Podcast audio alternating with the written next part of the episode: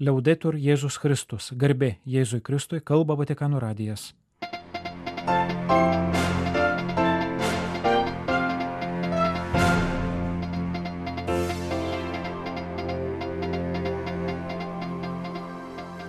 Malonus klausytojai šioje programoje. Popiežiaus vizito Mongolijoje programa. Naujųjų kankinių komisijos sudėtis. Popiežius paskyrė Romos seminarijos rektorių. Senelių ir pagyvenusių žmonių dienos atlaidai. Karitas ataskaita apie senstančios visuomenės poreikius. Filmas apie muzikos Michelangelo.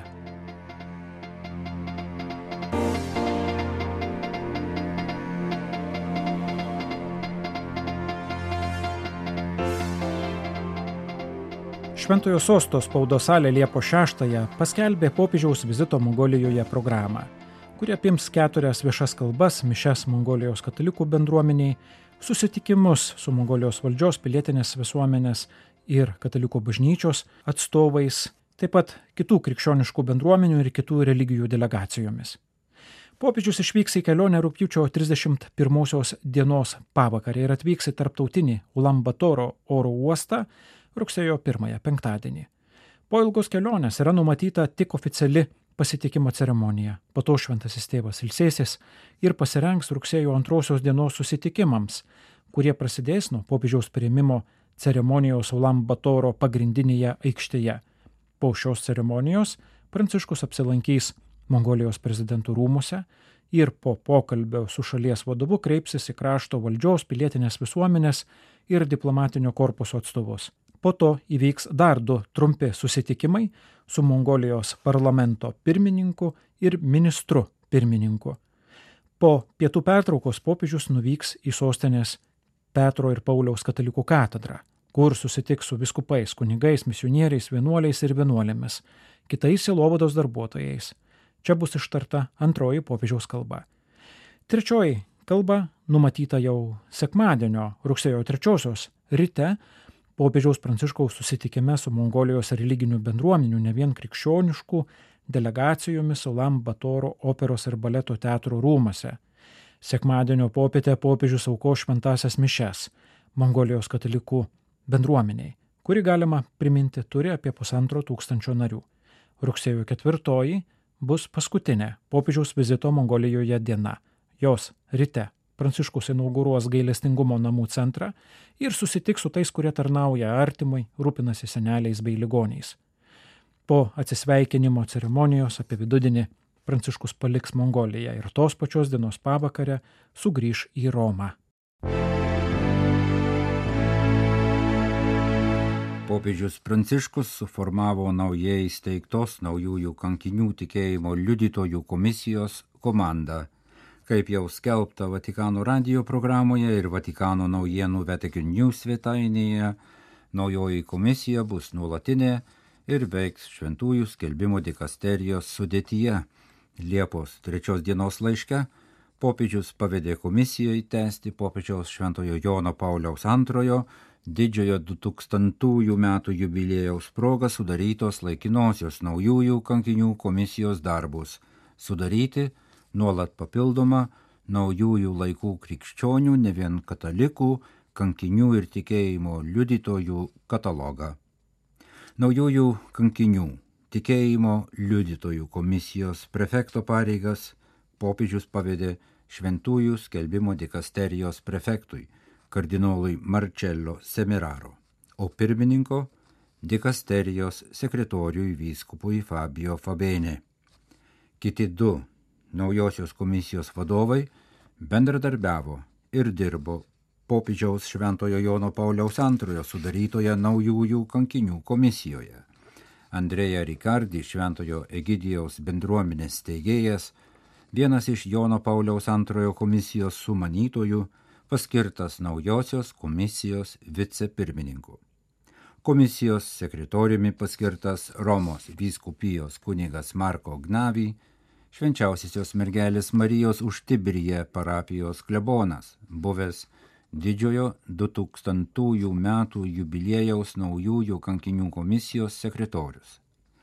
Tarp dešimties komisijos narių yra pasauliečiai, vienuoliai ir dvasininkai iš įvairių kraštų įskaitant seserį Nadiją Kopą, tarptautinės vienuolijų vyresniųjų sąjungos pirmininkę, tėvą Dirn Aneo Engojen, popiežiškosios misijų sąjungos generalinį sekretorių ir tėvą Artūrą Soza Baskal, Jėzaus draugijos vyresnįjį. Popiežius naujosios komisijos pristatymo laiške patikino, kad reikia tęsti istorinę apžvalgą ir surinkti mūsų seserų ir brolių gyvenimo liudijimus iki pat kraujo praliejimo, kad jų atminimas būtų visos krikščionių bendruomenės saugomas lobis. Pranciškus taip pat priminė viskupijų ir bažnytinių sąjūdžių atsakomybę, sudarant naujųjų kankinių ir tikėjimo liudytojų katalogą. Naujoji komisija turės pasinaudoti veiksmingų vietinių bažnyčių, vienuolinių kongregacijų ir visų kitų krikščioniškų organizacijų indėlių pagal komisijos parengtus kriterijus, pažymėjo popiežius Pranciškus. Romos vyskupas Pranciškus paskyrė vieną iš savo vyskupų auxiliarų naujojų vyskupijos kunigų seminarijos rektoriumi. Iš Milano kilęs 60 metų vyskupas nominatas Mikėlė Dytolve nuo kunigystės šventimų 1989 metais iki šių metų gegužės mėnesio tarnavo gimtojoje arkivyskupijos pastoracijoje. Gegužės 26 dieną popiežius jį paskyrė Romos vyskupo auxiliaru, o dabar ir Romos kunigų seminarijos rektoriumi. Mikėlė Ditolvė yra buvęs artimas keturių Milano arkivyskupų bendradarbis Kardinolas Karlo Marija Martinį jį išventino diakonu ir kunigu. Kardinolas Dionydži Tetamansi paskyrė religinių mokslų instituto vyriausiojų moderatoriumi, mokyklų pastoracijos ir tikėjimo dėstymo tarnystės vadovu, kardinolas Angelo Skola, Milano arkivyskupijos kunigų seminarijos rektoriumi ir Milano katedros kanauninku, Mario Delpini, dabartinis Milano arkivyskupas, kelių svarbių parapijų klebonų. Vyskupas nominatas Mikėlė Ditolvė bus konsekruotas vyskupų rugsėjo pradžioje. Popiežiškosios Romos kunigų seminarijos rektoriaus skirimo proga popiežius paskelbė dekretą, kuriame apibrėžė rektoriaus atsakomybę kunigų formacijos klausimais Romos viskupijos teritorijoje pagal Romos vikariato reformą, paskelbtą šių metų pradžioje apaštališkąją konstituciją in ecclesiarum komunione. Rektorius vykdys jam pavestas pareigas sutartinai su viskupijos taryba, o pačiais svarbiausiais klausimais tiesiogiai informuos popiežių.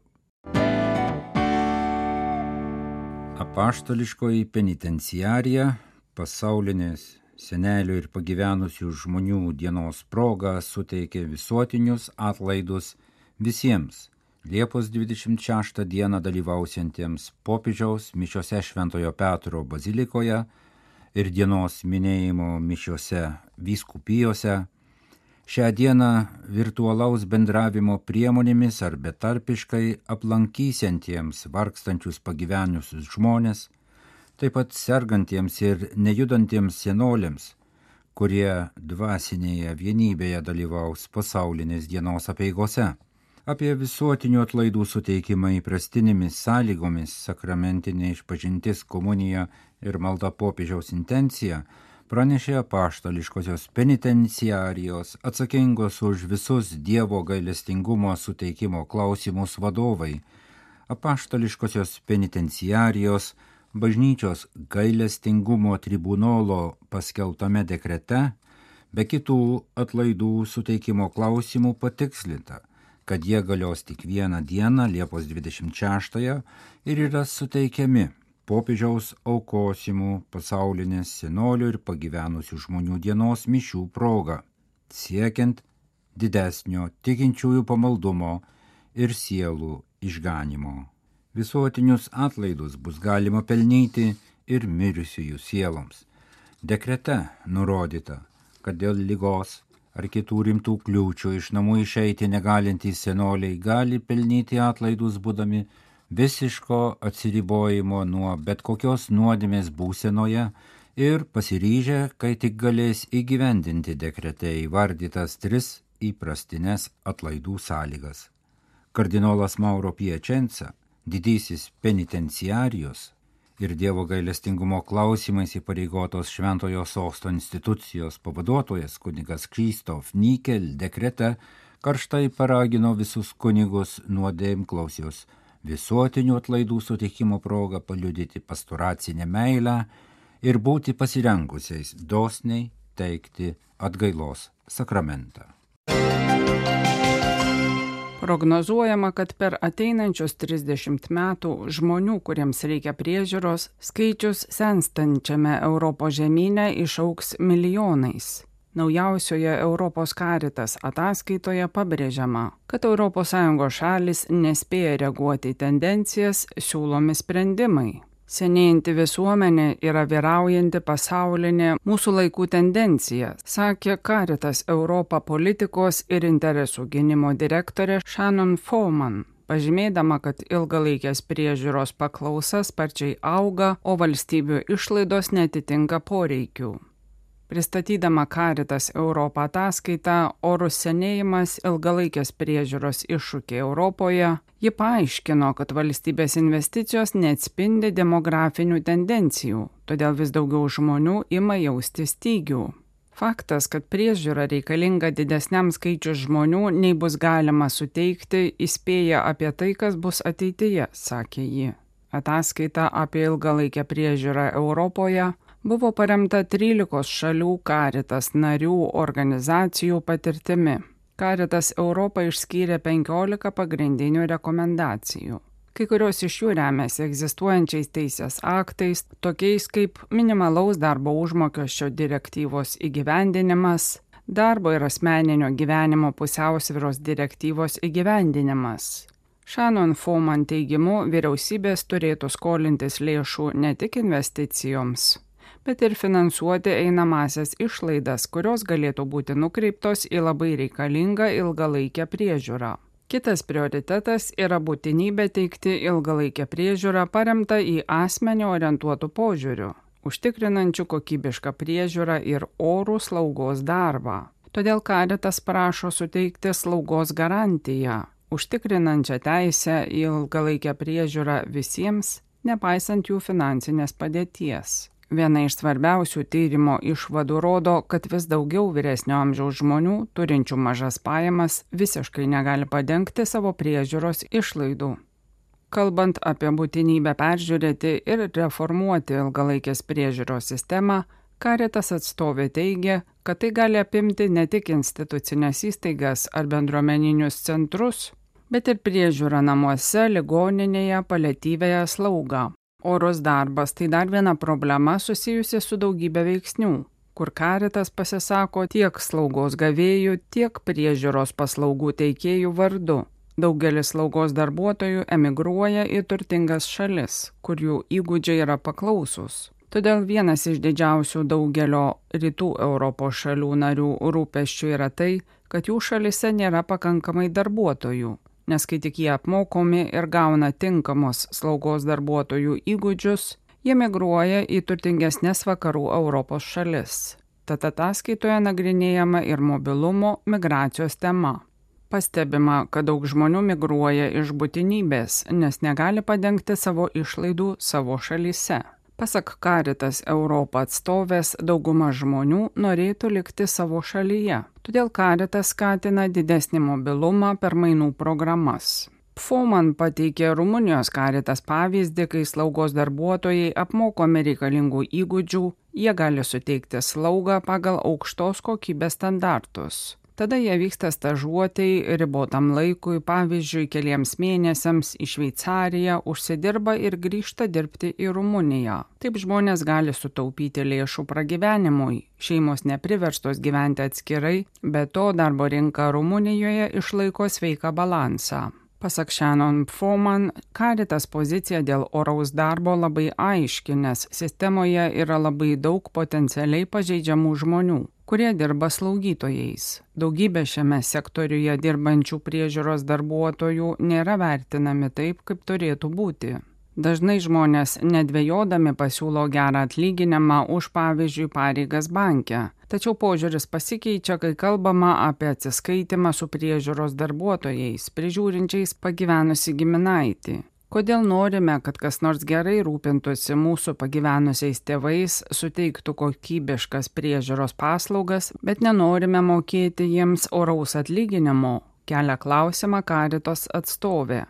Šį klausimą karitas ir toliau akcentuos, tačiau tai nesprendžia pagrindinės problemos, kad reikia reformuoti priežiūros sistemas. Pabaigoje Shannon Foman pabrėžė skirtumą tarp socialinės ir sveikatos priežiūros bei akcentavo, kad reikia labiau integruoto požiūrio. Dabar egzistuoja skirtingos atsakomybės, skirtingos ministerijos, net Europos komisijoje skirtingi direktoriai atsakingi už ilgalaikės priežiūros teikimą.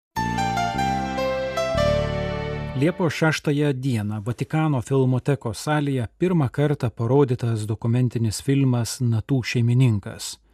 Apie vieną iš iškiliausių Renesanso ir, galima sakyti, vakarų kompozitorių - Žuskeną Depre, gyvenusi 15 ir 16 amžių sandūroje didelių virsmų metu. Jau humanistai rašė, kad tai, kas buvo Mikelandželas tapyboje, Žuskenas Depre buvo muzikoje. Dokumentinį filmą apie Žuskeną Depre, gimusi 1455 ir mirusi 1521, kurio trukmė 140 minučių, sukūrė italų režisierius Marko Zarelli. Filmas apžvelgia remdamasis istorikų ir muzikologų pasakojimais kompozitoriaus gyvenimo kelią nuo gimtojo Flandrijos regiono dabartinėje Belgijoje iki Romos, kur jis vadovavo Siksto koplyčios popiežiškajam chorui, nepamirštant ir to, jog kūrė dviem Prancūzijos karaliams. Dokumentinėme filme skamba garsiausiai Žuskeno depre polifoniniai kūriniai, religiniai ir pasaulietiniai, kai kurie iš jų buvo specialiai įrašyti šiam filmui, pakvietus žinomus Renesanso polifonijos ansamblius dėl laberinto ir Odekaton, gėdojusius Siksto koplyčioje ir senoje benediktinų Parfos abatijoje Romos apylinkėse. Filme taip pat nemažai dėmesio skiriama Leonardo da Vinci kūriniui muzikanto portretas. Pateikta naujų įrodymų, kad tai būtent Žoskenas Depre, nutapytas tuo metu, kai dirbo ir kūrė Milane. Režisierius Zarelli Vatikanių sakė, kad filmas skyrė Renesanso kompozitoriaus mirties 500 metų sukakčiai. Jis priminė, kad dar savo gyvenimo metu Žuskenas Depre buvo žinomas visoje Europoje. Pats filmo pavadinimas Natų šeimininkas yra pasiskolintas iš Liuterio. Pasak pastarojo, jei dauguma kompozitorių turi paklusti natoms, tai Žuskeno Depre atveju natos paklūsta jam. Po pirmojo senso Vatikano filmotekoje dokumentinis filmas apie Renesanso laikotarpio muzikos genijų bus rodomas įvairiuose Italijos kino renginiuose - Milane, Florencijoje, Trieste ir kitur.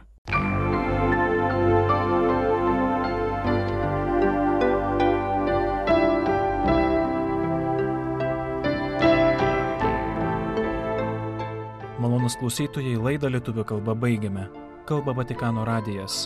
Garbė Jėzui Kristui, liaudai turi Jėzus Kristus.